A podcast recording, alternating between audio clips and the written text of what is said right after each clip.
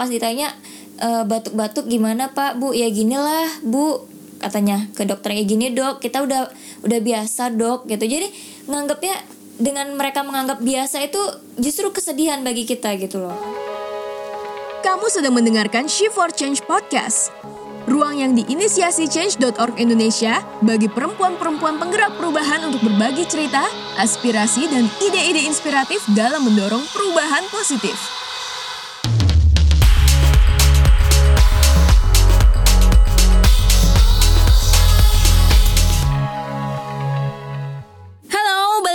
Sama gue CJ. Cukup istimewa nih ditemenin sama Tantia dan Yaya. Mereka ini alumni Secret Change 2019 bareng sama gue. Kita sambut Tantia dan Yaya. Hai hai Hari ini kita rekamannya langsung dari Pekanbaru ya. Iya Di Mana ini? Eh, di salah satu hotel. Gue nggak mau nyebutin tempatnya karena mereka nggak sponsorin kita gitu. Iya, iya. Oke teman-teman, jadi Tantia ini eh, pas di Green Camp programnya Secret Change Mhm. eh, 2019 kemarin. Tantia nih satu kamar sama gue, jadi kita teman sekamar gitu kan, teman gibah juga yang, kemarin ya. sampai tengah malam ketawa-ketawa Iya. sama kamar sebelah suaranya woi gitu Oh iya, aku tidak mendengar ya gitu. itu suara siapa ya suara dia Oke, eh, sebelumnya kita mau eh, perkenalan dulu kali ya, biar enak ya. Yuk silakan mungkin diperkenalkan dari Tantia dulu mungkin. Eh, halo sobat change maker yang ada di seluruh dunia. Yoi. itu kan Ada subtitle global ya? ya ntar ada subtitle. Ya aku Tantia. Biasa dipanggil Isyana ya kalau di luar-luar ya. Mohon maaf ya kalau dari sini emang narsis. Jadi eh, aku sehari-hari tuh bekerja di satu lembaga eh, atau NGO konservasi. Hmm, Namanya aja bu. Oh langsung aja ya. Eh, WWF tapi program Sumatera Tengah. Itu tepatnya di Riau. Terus eh, sehari-hari memang berjibaku dengan isu-isu kehutanan. Oke, kalau dari Yaya nih, Halo, perkenalkan nama aku Yaya. Aku biasa sehari-harinya itu kerja di jaringan kerja penyelamat hutan Riau. Atau yang lebih familiar di Banggilnya itu Jikalahari.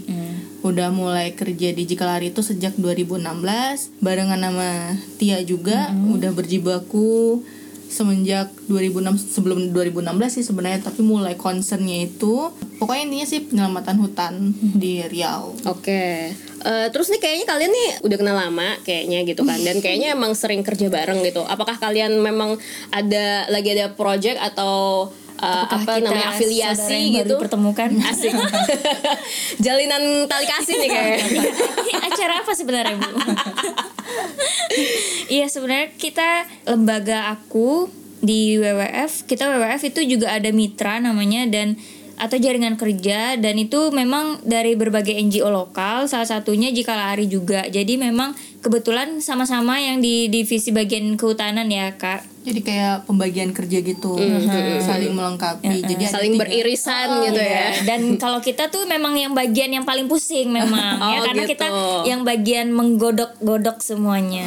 Oh gitu. Eh, kalau eh, Yaya nih sekarang kerjanya lebih banyak ini ya, maksudnya mengproduce konten ya. Ya, Konten kreator teman-teman. Wow. wow.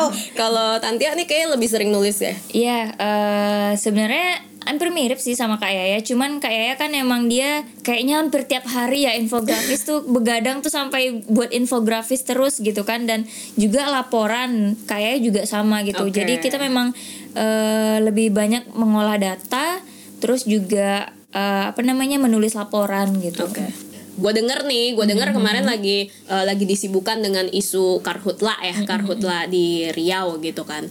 Nah, kalian bisa nggak share sedikit mengenai eh, apa yang kalian tahu? Ini nih, nih ceritanya nih karhutla 101 kayak.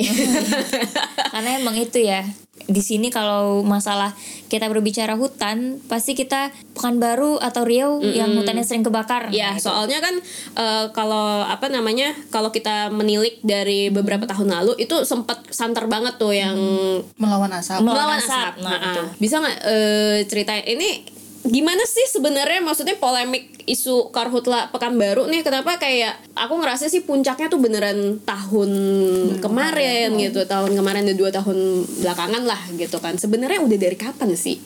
Jadi kalau misalkan kita cerita tentang kebakaran hutan itu sebenarnya bukan cerita baru ya, bukan kemarin sore gitu. Bukan tiba-tiba wow Bukan. gitu kan Heeh. bukan isu yang tiba-tiba trending sebenarnya Bukan, ya bukan.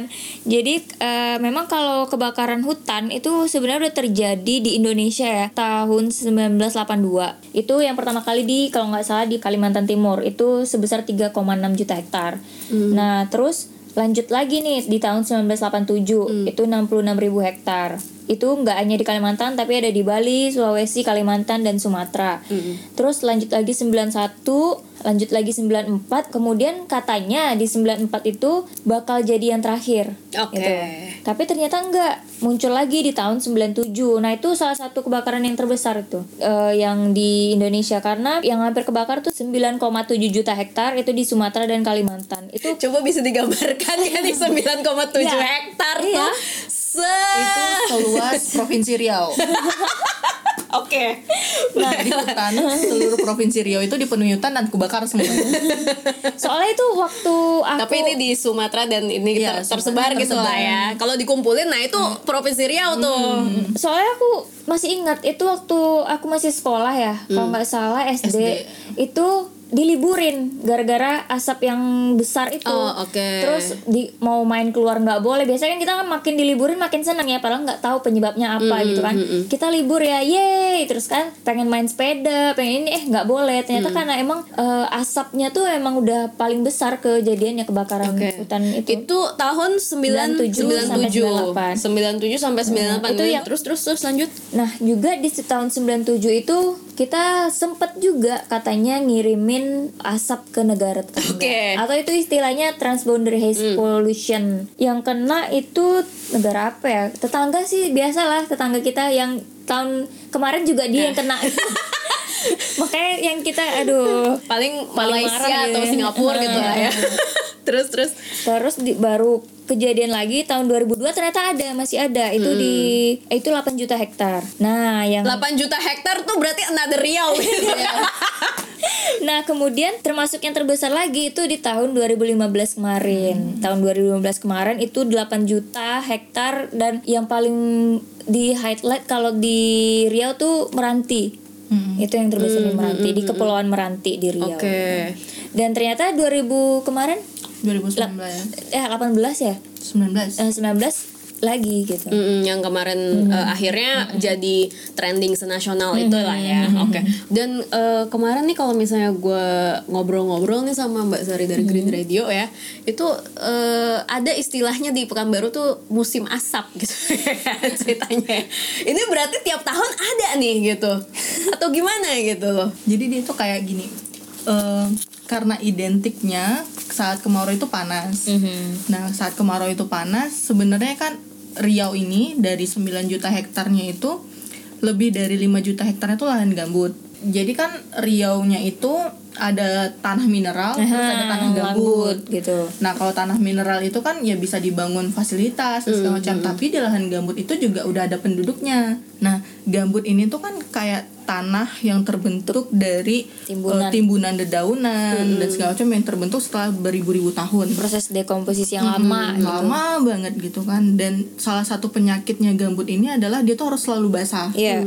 Nah, kalau kemarau itu muncul, kemungkinan kan itu terjadi penguapan air tuh, terus bakalan kering. Sebenarnya nggak bakalan jadi masalah kalau gambutnya itu tetap dibasahin. Jadi nggak ada tuh proses-proses yang Pengeringan. bikin pengeringan. Salah satu yang bikin kering itu adalah pembuatan Sawit. kanal. Oh iya betul. Dan satu lagi penanaman sawit. Oke. Jadi kanal itu tuh kayak eh, parit tapi porsinya lebih gede.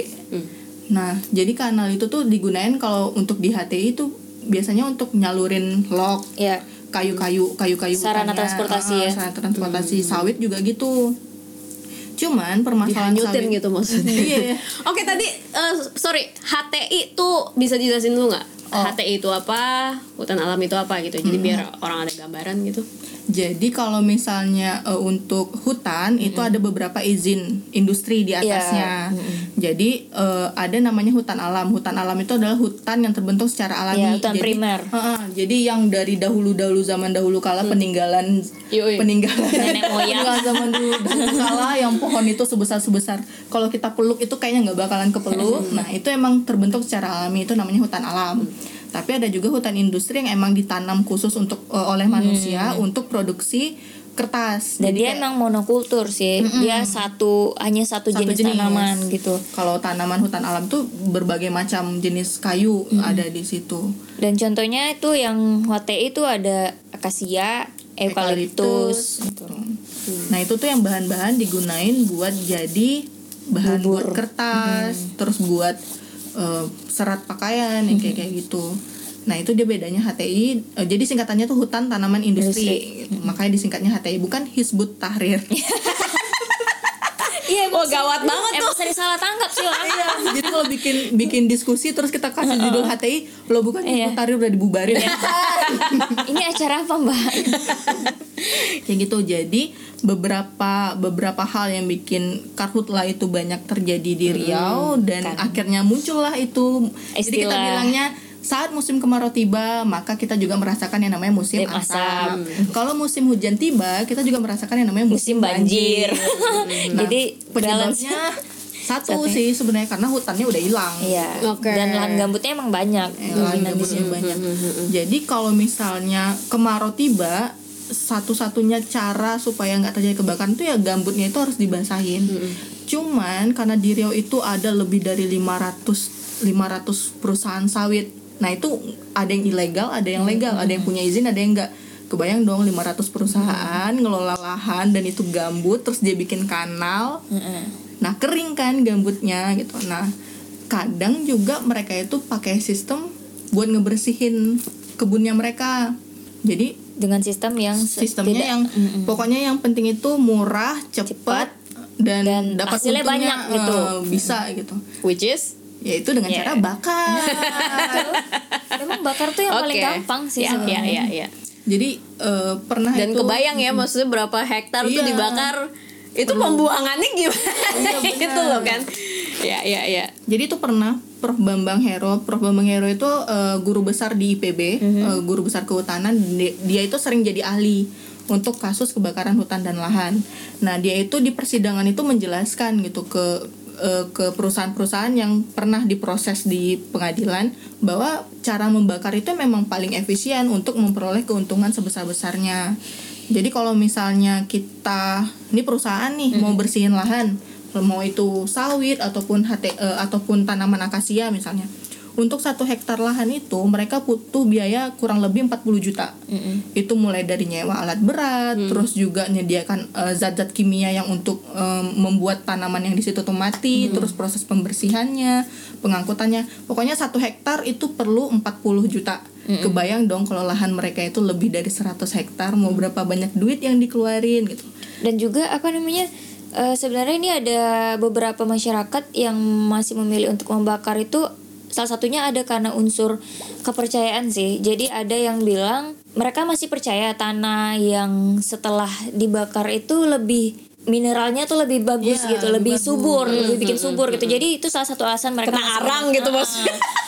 Jadi kepercayaan-kepercayaan lama itu yang masih bikin salah satu penyebab membakar itu masih dengan ca- mereka masih memilih cara itu gitu. Tapi kan nggak sampai berhektar-hektar Iya. kan. kalau itu kan. Tapi emang benar kalau misalnya dibalik eh, kepercayaan itu tuh emang pernah diteliti sama Prof Bambang Hero sama Pak Basuki Wasis. Nah gambut itu kan sifatnya itu adalah asam. Tidak bisa eh, oke. Asam tuh gambut tanaman-tanaman yang ditanam di gambut itu biasanya tuh bakalan kurang produktif Iya. karena tingkat asamnya itu tinggi, Tinggi, banget tinggi. kan. Heeh. Jadi kalau mereka mau nanam di gambut, mereka itu harus nyediain yang zatnya kapur segala macam untuk meningkatkan eh, supaya dia bisa agak netral tuh supaya tanamannya bagus. Nah, membakar itu salah satu cara karena dengan membakar itu itu tuh jadi pupuk alami Iya. tanpa biaya yang banyak gitu. Kalau kemarin tuh Prof Bambang itu bilang mereka tuh cuma perlu bayar 5 juta untuk orang ngebakar, terus mereka bilang ya nggak tahu bukan kami yang bakar Iya. gitu. Kan hukum di Indonesia tuh masih hukum apa ya?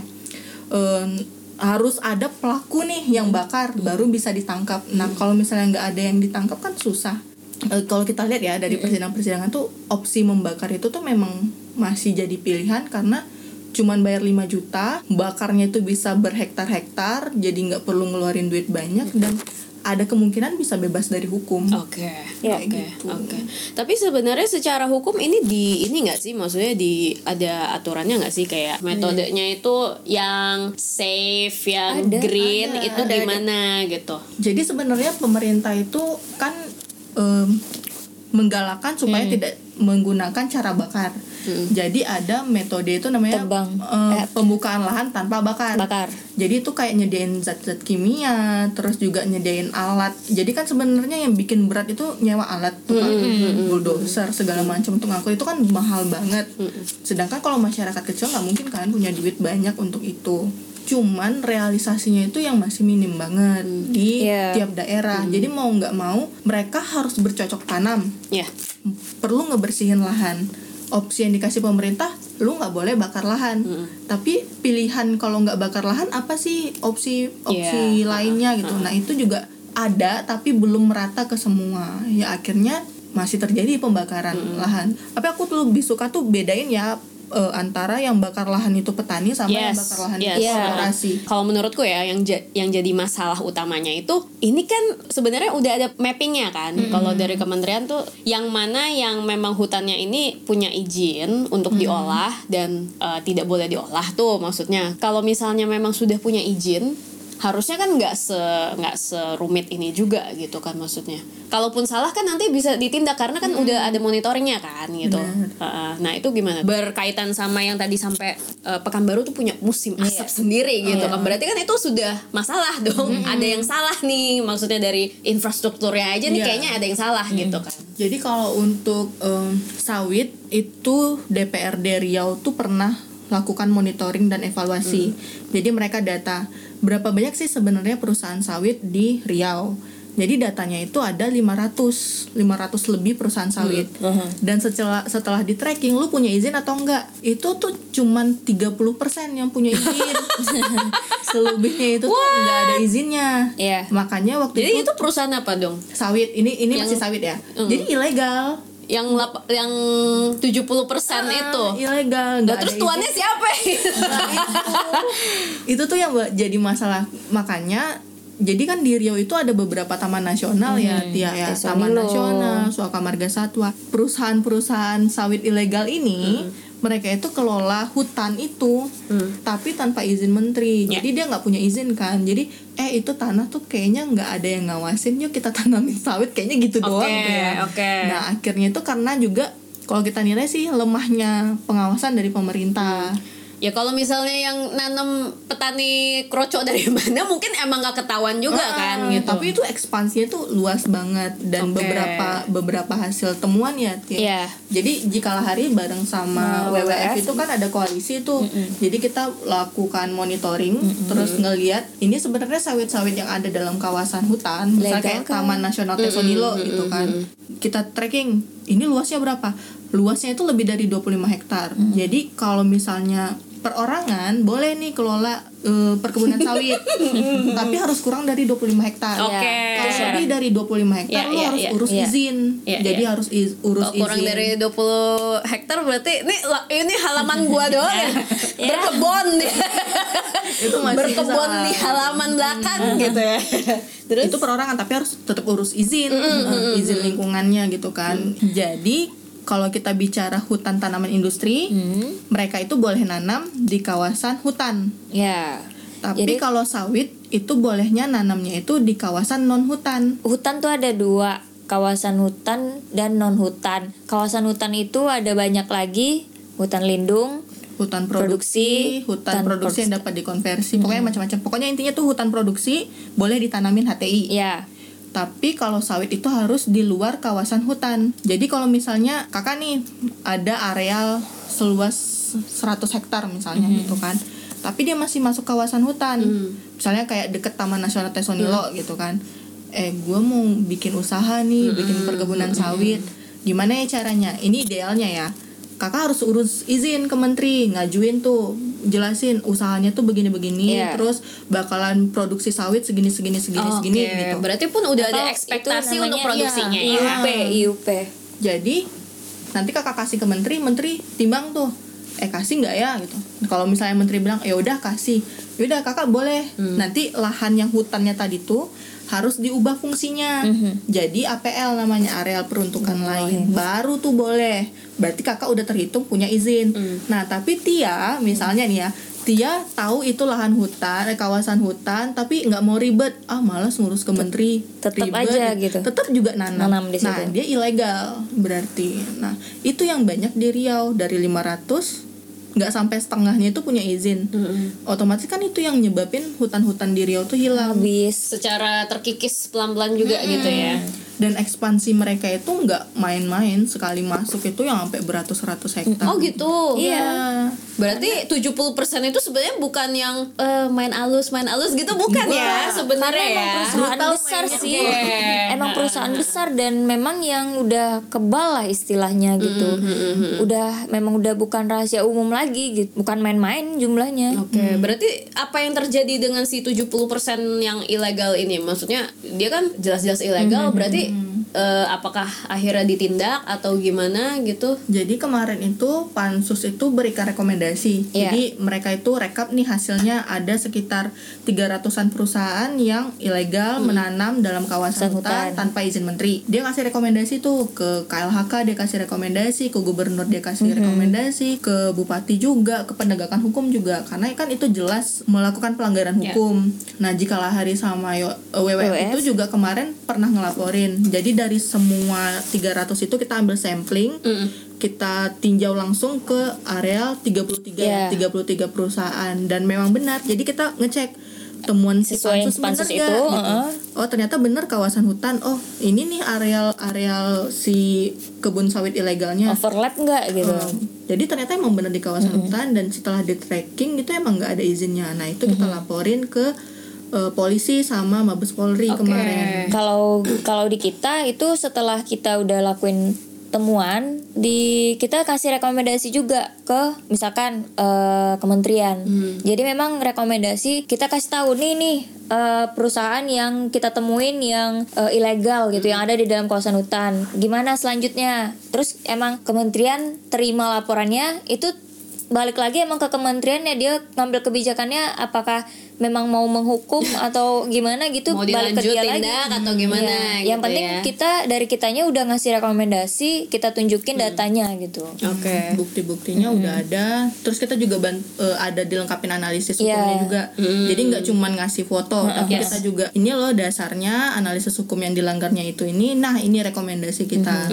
Selain Terserah gitu. selain kementerian kita juga ke KPK, pokoknya semua yang berkaitan sih yang bisa mengambil kebijakan itu kita kasih rekomendasi. itu kalau sawit. Iya. Eh, kalau HTI itu jadi dari sekitar 8 jutaan lebih ya 9 juta itu 2 juta hektar di Riau itu udah ditanamin sama HTI akasia eukaliptus dan segala macamnya itu jadi ada dua grup besar yang eh, induknya perusahaan Jadi isu itu. isu utama di Rio tuh bukan hanya sawit, satu lagi ada kertas. Oke. Hmm, itu jadi dua Emang grup masih ada yang pakai kertas ya? masih Masih lah. masih Kirain udah langsung pada pakai iPad, iPad ya digital gitu. Oh iya. tapi kertas itu masih dibutuhkan gitu kan. jadi emang produksi apa mereka itu memang udah menguasai sekitar 2 juta hektar lahan di di Riau gitu. Mm-mm. Ini yang HTI doang nih, ah 2 juta. HTI 2 Oke. juta lebih gitu kan 2 jadi juta men Dari 9 juta itu gimana gitu kan terus yang sawitnya tadi lagi yang ilegal ilegal itu berapa Nah itu yang hektar itu gitu. berapa tuh? Ke ke ini nggak ke mapping nggak? Eh, ke yang mapping Yang berita terakhir kemarin tuh satu 1,4 juta. kalau nggak salah 1,4 Berarti udah 1,4 3 juta. Iya. nih Udah kemakan buat ini 4 doang juta untuk 4 juta itu udah untuk industri sawit dan gitu. sedih orang Rio ya. Nah, itu yang makin Itu setengah sedih. loh ya. Iya, setengah. Dan yang sedihnya itu kan sebenarnya HTI menguasai 2 juta hektar itu Hmm. hutan yang mereka tempat itu kan juga sebenarnya hutan tempat masyarakat adat tinggal. Oh gitu. Jadi overlappingnya nggak kira-kira ya Iya benar. Sebenarnya kalau dulu itu permasalahan di Riau itu kan selain kebakaran kebakaran itu cuman momentum beberapa beberapa tahun kayak diceritain Tia tadi maksudnya itu momentumnya masih kecil-kecil jadi dulu itu permasalahan di Riau itu sebenarnya illegal logging ya penebangan hutan alam Oke, ha-ha. Jadi- sebelum nih ya, Sebelum- sebelum sebelum si kebakaran nih. Jadi ini barangnya tuh yang ada di Riau itu masih hutan alam nih yang banyak. Hmm. Jadi kayak yang tadi dijelasin tuh bahwa HTI itu harusnya di semak belukar atau hutan terlantar. Iya. Jadi hutan-hutannya tuh yang pohonnya tuh kecil, Kecil. atau susar badan kakak. Pokoknya kecil gitu kan, nggak nggak. Pokoknya kalau kita peluk itu masih nyampe deh tangan kita gitu. Itu yang boleh dibebanin HTI. Cuman pada tahun 97 itu perusahaan-perusahaan itu ngajuin izin tapi mereka ngajuin izinnya tuh di hutan alam jadi intinya tuh gini kamu tuh boleh nanam HTI tapi di di areal yang semak belukar. Otomatis kan dia harus nanam dulu tuh. Nanam bibit akasianya terus nunggu si akasianya produksi sekitar lima sepuluh sepuluh tahun lebih dari 10 tahun tuh baru pohonnya agak besar baru bisa dipotongin. Tapi kenyataannya itu malah mereka ngajuin izinnya tuh di hutan alam. Jadi mereka tuh kayak aku tuh mau ngajuin izinnya tuh di di hutan ini di hutan alam ini oke kami bakalan tanam akasia tapi mereka tebang hutan alamnya dulu. Iya. Dan hutan hutan hasil tebangannya itu kayu-kayu hasil tebangan tuh mereka gunakan untuk produksi mereka. Padahal mereka kan seharusnya belum punya bahan baku Iya. untuk produksi. Jadi tuh kayak mereka menyalahi aturan seharusnya mereka nggak boleh ajuin di hutan alam mereka ajuin dan mereka dapat keuntungan di sana. Dan mereka nggak perlu nunggu 10 tahun untuk produksi kayu tapi bisa nebang sih hutan alam yang tadi besar-besar banget gitu kan. Nah itu yang jadi masalah. Dan mereka kadang nggak segan-segan juga memperluas lagi gitu. Mm-mm. kelakuan. Jadi kayak eh, ini hutan alam mereka tebang terus mereka tanam akasia, akasianya belum tumbuh untuk eh, di di di apa? Dipanen. Mereka tebang hutan alam yang ada di iya, iya, iya, Akhirnya ya kayak gitu Dan terus. pohonnya ya mereka gunakan untuk Hmm, untuk produksi mereka padahal itu bukan hak mereka. Kayak gitulah kita bahasa. Itu bukan hak mereka. Mereka harusnya nanam dulu baru boleh produksi. Iya, ha, ha, ha. Ini malah nebangin hutan alam. Nah, akhirnya ya itu hutan alam itu nga- sambil ngajuin izin tuh. Jadi- itu tuh ada di kasus jadi ini yang waktu aku bilang aku pernah bikin petisi yang pendukungnya tuh cuma 2000 close Oke. Naik-naik Oh, yang gitu. itu ya. karena bahasanya berat banget jadi ada 20 perusahaan yang apa judulnya KPK tetapkan 20 korporasi HTI sebagai tersangka korupsi kehutanan. Jadi em, mereka tuh dapat izin di atas hutan alam itu tentu harusnya secara aturan kan nggak boleh ya. Tapi mereka menggunakan yang namanya uang pelicin supaya izin itu tetap keluar. Oke. Ketentuan emang nggak bolehin di atas hutan alam. Gimana caranya mereka bisa dapat? Ya itu tadi ada uang-uang pelicin. Nah itu kasusnya itu sampai em, menjerat dua bupati dua bupati di Riau, tiga kepala dinas di Riau dan satu gubernur. Nah itu tuh emang kasusnya besar banget Iya. dan tiga memang gubernur loh hat trick kan Riau. Jadi kalau misalnya eh, kamu dari Itu tahun kapan tuh? Riau. Itu. Tahun berapa ya? Itu 2014. Oke. Kalau pertama itu kan 2009 karena korupsi pengadaan barang jasa ya gubernur pertama. Gubernur kedua yang Rusli Zainal itu korupsi kehutanan. Gubernur yang ketiga juga berkaitan dengan hutan. Suap alih fungsi lahan. Iya. Mudah-mudahan nggak ada yang keempat. amin Itu ketahuan semua tuh. Iya ketangkep Oke. udah yang yang satu kan udah di ini ya di mana? Semua Itu tiga-tiganya itu akhirnya sudah diproses hukum akhirnya. Udah, ya. udah. Udah sih. Tapi itu udah dengan isu asap juga tuh ya tiap Udah, tahunnya gitu ya. udah, benar. Oke. Jadi itu tadi mereka nebang hutan alam terus ditanamin HTI terus nggak mau rugi dong Hmm. HTI-nya itu udah di, di udah dipanen Ya. terus nggak mau kerja keras buat bersihin ya udah bakar. Bakar. makanya kebakarannya itu munculnya di sana akhirnya ya ya itulah kenapa ada Riau musim musim baru asap, HTI itu belum sawit belum sawit pokoknya isunya hari ini tuh berat Nah, tapi balik eh, tadi tuh tadi gue sempat mention kan eh, kemarin yang sempat trending di eh, apa trending di medsos nih memang mengenai eh, melawan asap yang dari Pekanbaru gitu kan. Tapi yang kasus Kalimantan nih kayaknya masih gongnya nih masih kalah sama yang eh, hashtag melawan asap kemarin gitu. Nih berarti emang emang NGO-nya wes. Terus tiba-tiba ada yang teori konspirasi gitu, oh NGO ditunggangi osang aseng osang aseng gitu misalnya. Atau eh, atau gimana gitu. Karena kan nih eh, kalau bisa mau eh, adu gede gitu ya, maksud- mau adu gede lahannya kan sebenarnya masih lebih gede Kalimantan kan gitu. Tapi yang justru berhasil bikin sem- se- satu Indonesia nengok nih bekan baru nih gitu bisa diceritain nah, ini kira-kira apa yang terjadi nih deh Sebenarnya sih nggak Riau aja. Iya. Sebenarnya karena dia kumulatif kan di Kalimantan terjadi, terus di Sumatera, Sumatera juga terjadi. terjadi.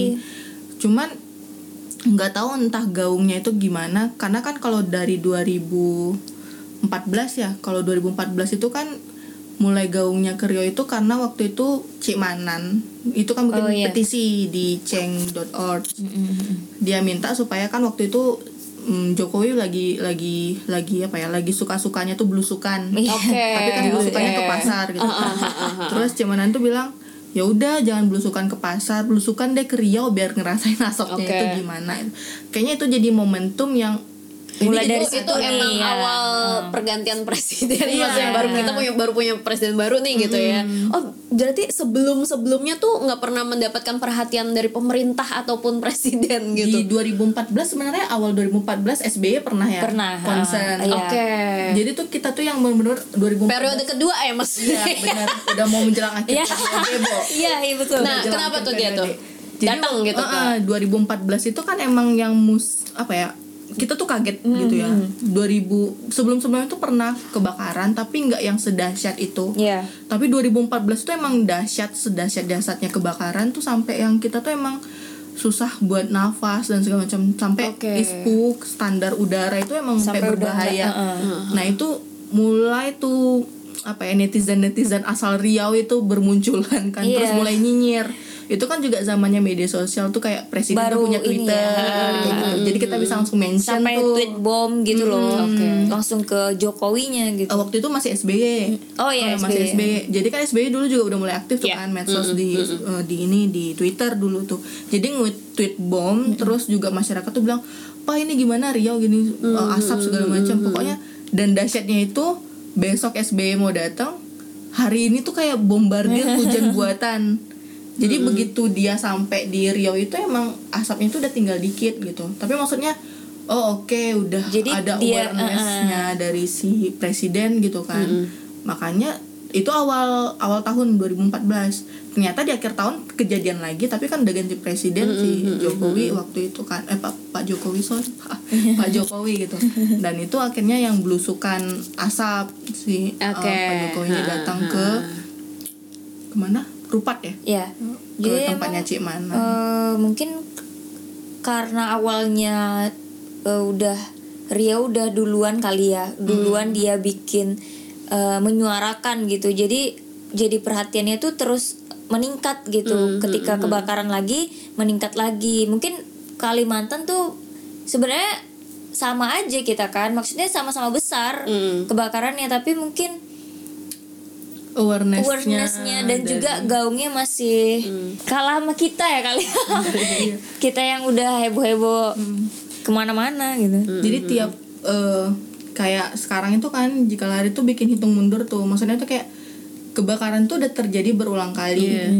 Udah, udah udah pokoknya udah lebih dari 18 tahun terjadi gitu kan. berarti emang bisa dibilang tuh medsos itu sangat Berpengaruh. Oh, jelas membawa membawa perubahan, Perubahan. yang sangat signifikan ya sejak jelas si sih. 2014 itu ya. Pokoknya semenjak s- para pemimpin di negara ini Iya. bisa punya di-mention iya, langsung gitu. punya punya akun medsos sendiri dan gitu mungkin ya. memang karena zaman sekarang anak muda tuh memang lagi kritis-kritisnya ya jadi ketika di satu cara nggak ditanggapin sama pemerintah mereka buat cara yang lain gitu. pokoknya terus-terusan sampai muncullah hashtag yang melawan asap itu gitu.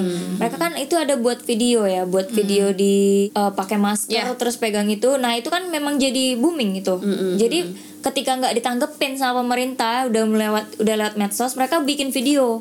Sampai yang muncul tagar terus eh, orang-orang ikut lagi eh, boomingkan lagi di sosmed akhirnya jadi ini. Dan harus ya langsung ke presiden ya Harus, mentionnya harus, gitu. karena maksudnya kita- apa yang kalian lakukan ya sama pemerintah pemerintah daerahnya tuh gimana gitu kan? Kan bisa aja eh, mengutip Gubernurnya salah dulu. satu iya maksudnya iya salah- banyak kayak, sih itu yang protes kemarin. Hmm, kenapa enggak kenapa nggak ke gubernur? lurah dulu lo ke lurah gitu Jadi tuh kayak kita mikirnya tuh kalau kita tuh nilainya eh, ini yang konkretnya itu gini. Jadi waktu 2014 itu eh, ada audit dulu kan ada namanya UKP 4 ya, yang staf presiden itu kan. Mereka itu kan ngelakuin audit, audit kepatuhan namanya. Jadi ngelihat ini perusahaan ada di beberapa provinsi. Jadi di Riau itu ada 17 perusahaan dan 9 pemerintah daerah. Jadi ngelihat ini udah mau musim kemarau, si perusahaan itu kesiapannya gimana sih nang eh, untuk menghadapi si kemarau yang datang nanti. Sama pemerintah daerah juga dari hasil hasil audit itu ngebuktiin bahwa perusahaan itu nggak siap. Jadi mereka nggak punya dan sarana. pemerintah juga Nah, dan pemerintah itu juga nggak Iya, siap. jadi emang- Jadi mereka itu dapat nilainya tuh nggak main-main, Bu. Tidak patuh, kurang patuh. Oke. Nggak ada tuh yang patuh gitu. Jadi kan kita bisa nilai bahwa pemerintah daerahnya sendiri nggak usah si perusahaan deh, Iya. pemerintahnya aja yang punya fungsi kontrol Iya, gitu betul, kan. betul. Nggak siap gitu. Makanya kita nilai itu 2014 tuh sedangkan 2014. kalian udah punya musim asap dari bertahun-tahun sebelumnya. jadi Ya, itu sebenarnya mereka Ngapain? bapak pejabat-pejabat itu pun sebenarnya mereka ngirup asap tiap tahun Nah, tuh. nggak tahu juga kak kan, Iya kan? kayaknya mereka tuh yang ASEAN ya keluar mobil turun mobil masuk ruangan ber AC jadi kayak nggak ngerasain ASEAN. banget asap mungkin terus jadi kayak yang kalau misalnya rakyat jelata yang ke mana-mana jalan kaki naik motor Naik kan motor ngirup pula yang wong ya. gitu. iya Iya, kayak gitu. jadi eh, udah pastilah masyarakat protesnya ke yang paling atas. Pengen marah tuh sampai di sosmed tuh gubernur kita kami tuh gini-gini. Kalian tuh jangan bilang-bilang kami nggak kenapa harus ngadu ke nggak ke, ke gubernur kalian sih gitu. Kenapa harus ke presiden gitu. Semuanya tuh udah pada berantem di sosmed. Eh kami tuh udah duluan ya ngadu ke gubernur kami tapi ini gitu. Iya, iya, iya, terus iya, dia iya. bilang ya udah ini kan memang urusan presiden juga. Jadi memang nimbul polem polemiknya Iya. tuh di situ gitu karena Ya. kita nggak siap juga. Betul betul betul. Ya ketika satu apa tragedi daerah kalau emang udah nggak bisa dihadapin ya, naik level lah ya jadi tragedi nasional juga gitu. Terus kan juga ngeliat waktu awal-awal pemerintahan Jokowi itu kan baru ya presiden yang terbuka mau ngedenger Betul. ngedenger aspirasi masyarakat dan gayanya agak beda lah ya. agak beda dan itu ada harapan, ya. Ada momentumnya berarti ya. harapannya tuh yang eh, mungkin dia mau dengar dan ternyata dia dengar gitu Hmm, kan. dan itu tadi akhirnya di 2014 dia turun. Dan 2015 pokoknya kalau di Riau itu sistemnya begitu masuk kemarau terus ngeliat asap dikit aja tuh semuanya udah pada nyinyir langsung pada nyerang tuh dan kayaknya itu Iya. deh yang bikin kelebihan Riau dibandingin yang lain Karena emang harus sih, soalnya kemarau itu dahsyat sih pengaruhnya. Kit kalau di gambut karena kemarau itu aja gambut kena korek api aja tuh bisa kebakar gitu. jadi kan karena dia kan kering. bahan bahan bahan bakar juga sebenarnya gambut itu kan. Makanya kita udah duluan, Pak ini bentar lagi mau kebakaran Pak gitu. ini kita mau udah- kemarau gitu kan udah bakal musim panas itu itu gimana Jadi jangan ada alasan lagi Pak gitu kan. oke. Kalau aja ini kalau aja kalau aja KLHK itu melakukan review izin kalau perusahaan itu udah nggak mampu kasih izin seluas Iya. izinnya dia eh yang dia mampu aja kayaknya udah clear gitu kan. Jadi dia cuma tanggung jawab sama izin yang dia punya. Atau juga maksudnya itu kayak merevisi luasannya. Jadi Iya. kayak yang merevisi tadi Kata- itu emang dia lang dia mereka ngajuin segini terus nggak nggak diminta pertanggungjawaban. Dipertimbangkan sih, Ah, ada maksudnya gimana? Setahun ini udah ngapain aja gitu. Nah maksudnya, nah itu maksudnya dari udah dipertimbangin berapa, terus perusahaan jalanin. Nah review selanjutnya itu yang harus memang dimaksimalin lagi dari pemerintah. Dan juga andai aja nih pemerintah mau buka data hak guna usaha dari perusahaan gitu itu jadi setiap terjadi kebakaran kita nggak perlu protes siapa sih sebenarnya yang bakar hutan? gitu. Coba eh, dibuka siapa aja gitu. Jadi pemerintah nggak bisa ngelak lagi gitu kalau datanya udah dikasih ke kita gitu. Cuman mereka tuh kayak punya ketakutan Nah, tersendiri itu. gitu. Misalnya kayak kita tuh kan kayak ngejalanin kon- fungsi masyarakat ya sebagai kontrol pengawasan dan mengingatkan gitu. Tapi kayaknya tuh mereka tuh ada ketakutan ya itu tadi yang asing-asing dan segalanya padahal tuh sebenarnya enggak gitu. Kita tuh kan emang bergerak dari apa yang kita alami yang kita Ya. rasakan dan kita pengen perubahan gitu.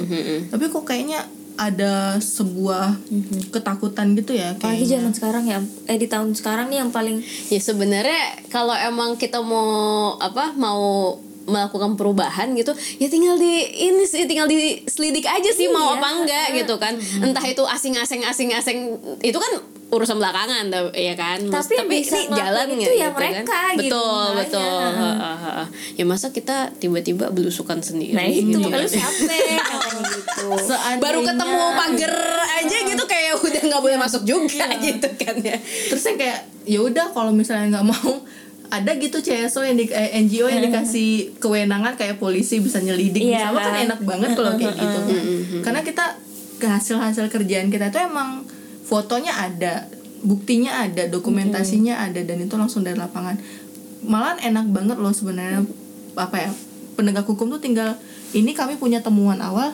selidiki deh kalau emang bener ya udah langsung tindak gitu karena kan buktinya kita juga nggak ngada-ngada sebenarnya Oke, tadi kan udah eh, berbicara mengenai ini ya hutan, terus izin HTI di Pekanbaru khususnya dan segala macam gitu. Nah, ini boleh nggak di share gitu? Kenapa sih ini jadinya eh, why people should care about this gitu? Yang bikin Bo ini darurat banget dong, Bo. Please deh gitu. ya jelas lah yang pertama kebakaran tuh dampaknya ya bukan hanya ke permasalahan sosial seperti yang tadi ya yang isu lahan masyarakat yang dirampas gitu tapi juga ada yang lain kayak kesehatan nah itu yang paling eh, jelas dampaknya karena udah beberapa kemarin data lengkapnya aku lupa sih data validnya berapa tapi yang jelas setiap kebakaran pasti ada yang meninggal karena ispa Hmm.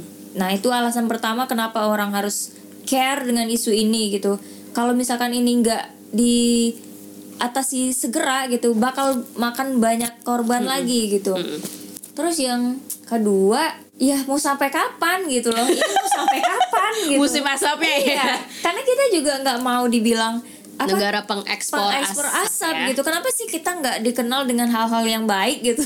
Kenapa harus hal seperti ini gitu? Dan ini kan udah jadi isu yang sangat besar gitu. Terus lanjut nih, kalian kan eh, apa sesuai kapasitas masing-masing ya sama job desknya masing-masing. Nah, apa sih yang kalian udah kontribusikan eh, dalam meng dalam si tragedi Karhutla selama inilah gitu? Kalau aku sih eh terkait dengan Karhutla bentuk protes kita ya bentuk protes kita ke pemerintah sebenarnya udah banyak sih gerakan-gerakan yang kita lakukan. Salah satunya itu lewat komunitas komunitas-komunitas eh, yang aku ikuti kayak Earth Hour, Tiger Heart itu kita udah sering yang namanya bikin kalau dulu kan petisi belum online nih Mm-mm, jadi kita petisinya tuh ada yang Pakai spanduk, Iya, tanda tangan gitu ya. orang gitu. Jadi itu juga salah satu ge- gerakan yang kita lakukan. Terus kita juga buat dulu infografis kan masih belum lagi-lagi kan zaman infografis masih belum dan kita masih pakai spanduk-spanduk yang kita buat sendiri, kreasiin sendiri dari bahan-bahan daur ulang. Itu memang kita bawa ke jalan di misalkan di lampu merah, di ini waktu musim asap nih kita bawa terus tuh mas- musim asap Iya. berarti pakai Heeh, ini pakai masker sekalian bagiin masker kita. Oke.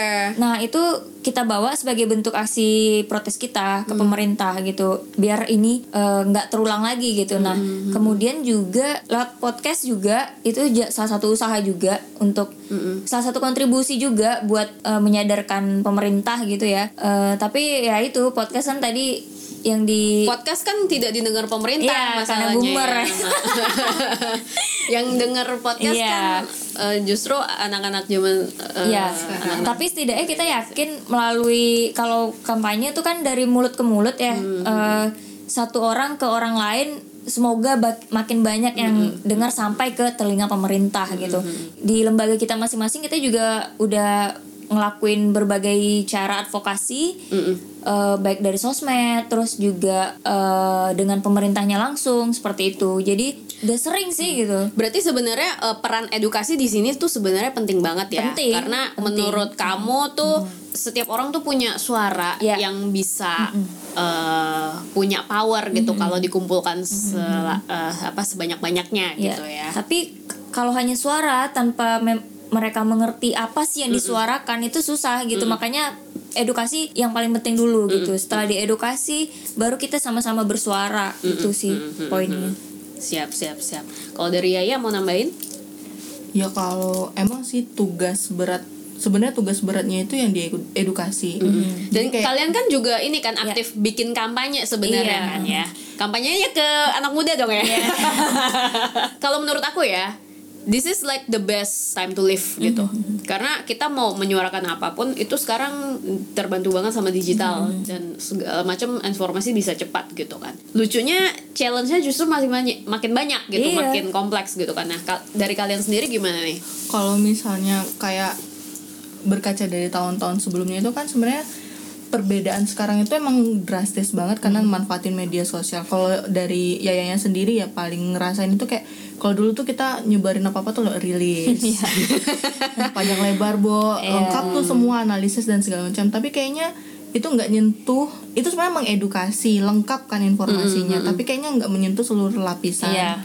terus mulai berinovasi cari improvisasi cara-cara campaign yang lebih menarik. Terus kayaknya kita nilai sekarang lewat video Iya. terus lewat infografis terus lewat konten-konten yang ringan tapi sebenarnya berisi itu lebih lebih lebih bagus itu kan kayak podcast dan semacam jangkauannya itu sampai ke mana itu yang Allah alam sih sebenarnya tapi kan kita berusaha untuk supaya bisa sampai ke mana-mana gitu kan. Iya. yang jadi masalah itu sebenarnya me- mengedukasi masyarakat di kalau kota ya aman Tingkat lah ya ya. internetan tuh lancar gimana gitu. Tingkat yang jadi masalah tuh sebenarnya ya di tingkat tapak di masyarakat masyarakat di daerah-daerah yang internet itu nggak masuk gitu. Nah itu yang bakalan jadi PR besar buat eh, kita. Oke. Edukasinya berbeda Ah, lagi caranya. cara edukasinya tuh beda. Mereka nggak ngerti hukum. Mereka nggak ngerti loh dampak asap itu. Aku tuh paling sedih di 2014 itu Yaya tuh nggak paham bahwa sebenarnya gara-gara asap kebakaran hutan dan lahan itu berdampak besar terhadap sistem pernafasan anak bayi yang yang Ya. belum kuat sama sekali gitu. Nah waktu itu tuh ya itu paling ngefek banget karena ngerasa oh ini sepupu Yaya itu batuk gitu. Tapi yang anggapnya oh mungkin batuk karena nggak enak badan. Tapi nggak mikir yang ini batuk karena asap loh gitu. Dan ini tuh harus benar-benar cepat diperiksa terus bisa dibersihin gitu kan paru-parunya. Dan itu kan edukasi itu dulu belum ada sama sekali. Makanya tuh waktu kemarin asap itu mulai ini yaitu mulai kampanye itu apa sih dampak asap buat ibu hamil? Apa sih dampak asap untuk kesehatan? Apa sih? Pokoknya tuh yang konten kampanyenya jika lari cari itu cari kemarin. angle yang Mm-mm, inilah beda ya. jangan bukan cuman bahas eh ini asap terus eh, kualitas udara berbahaya. Nggak sampai di kita situ. sesak nih kita Iya. sesak pedulikan kami gitu. Jadi kayak pedulikan juga anak-anak Ah. gitu ya dan ibu dan, hamil. dan itu yang pedihnya tuh gini sih sebenarnya. Sekolah itu diliburin tapi orang tua itu malah ngebiarin anaknya itu main, di luar Main. rumah Nah, iya. Jadi edukasinya itu kan nggak nyampe jadinya Iya, ke iya, iya. masyarakat. Jadi bicara tentang edukasi ke tingkat tapak itu kebetulan aku udah beberapa kali ya jadi ngadain eh, pendidikan lingkungan di sekolah-sekolah yang memang lokasinya itu langsung terdampak dengan kebakaran hutan. Dan juga waktu di Rimbang Baling itu waktu itu ada pasca asap sih.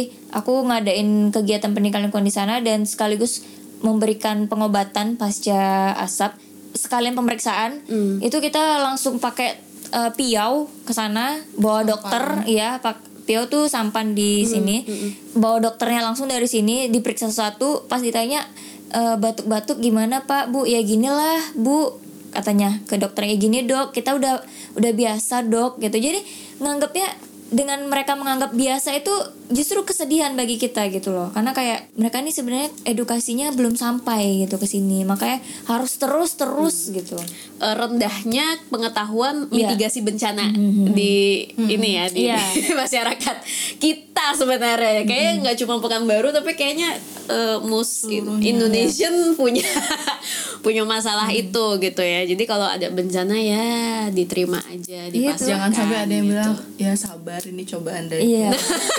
Atau ketika ada apa ya kita berdoa saja tunggu hujan turun. Itu kan Ya, tapi kalau misalnya dipikir Iya, emang iya, sih iya. kalau hujan Iya. turun selesai tapi kita nggak mau sampai ya udah terus mau nungguin hujan dari terus, awal gitu. sampai asap hilang kita hanya disuruh berdoa gitu kan nggak mungkin gitu ya. Iya, iya, iya.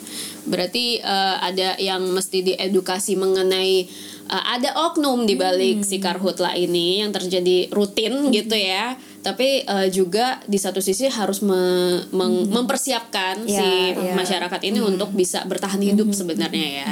Oke, gila ya keren banget ya.